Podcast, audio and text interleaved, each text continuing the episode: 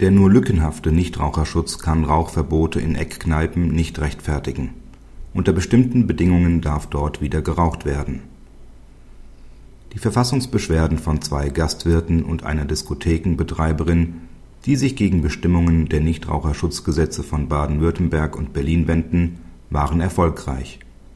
Der erste Senat des Bundesverfassungsgerichts stellte in einer Mehrheitsentscheidung fest, dass die angegriffenen Regelungen die Beschwerdeführer in ihrem Grundrecht auf freie Berufsausübung verletzen.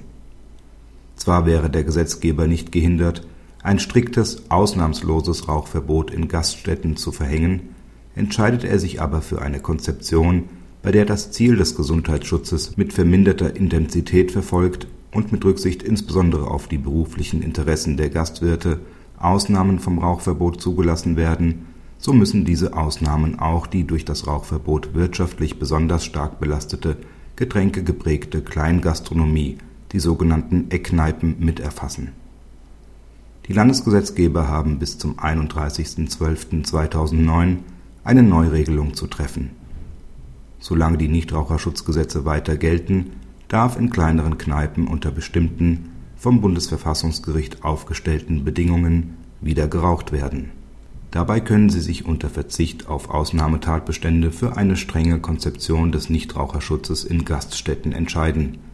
Sie können aber auch im Rahmen eines weniger strengen Schutzkonzepts Ausnahmen vom Rauchverbot zulassen, die dann allerdings folgerichtig auf besondere Belastungen einzelner Bereiche des Gaststättengewerbes Rücksicht nehmen und gleichheitsgerecht ausgestaltet sein müssen.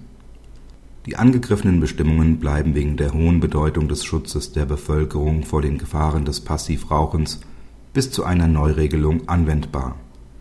In Baden-Württemberg und Berlin gelten daher zunächst weiterhin die bisherigen Vorschriften über das Rauchverbot in Gaststätten. Um für die Betreiber kleinerer Gaststätten existenzielle Nachteile zu vermeiden, hat das Bundesverfassungsgericht jedoch bis zum Inkrafttreten einer Neuregelung die in den Nichtraucherschutzgesetzen bereits vorgesehenen Ausnahmen um eine weitere zugunsten der Getränke geprägten Kleingastronomie erweitert. Voraussetzung für eine solche Ausnahme vom Rauchverbot ist, dass die betroffene Gaststätte keine zubereiteten Speisen anbietet eine Gastfläche von weniger als 75 Quadratmetern hat, nicht über einen abgetrennten Nebenraum verfügt und Personen unter 18 Jahren der Zutritt verwehrt ist. Zudem muss die Gaststätte im Eingangsbereich als Rauchergaststätte, zu der Personen unter 18 Jahren keinen Zutritt haben, gekennzeichnet sein. Lässt ein Nichtraucherschutzgesetz die Einrichtung von Raucherräumen als Ausnahmen vom Rauchverbot in Gaststätten zu ist ferner der generelle Ausschluss der Diskotheken von dieser Begünstigung nicht gerechtfertigt. Bis zu einer Neuregelung, die der Gesetzgeber bis zum 31.12.2009 zu treffen hat, gilt die Vorschrift mit der Maßgabe fort, dass in Diskotheken, zu denen nur Personen ab 18 Jahren Zutritt haben, ein Raucherraum ohne Tanzfläche eingerichtet werden darf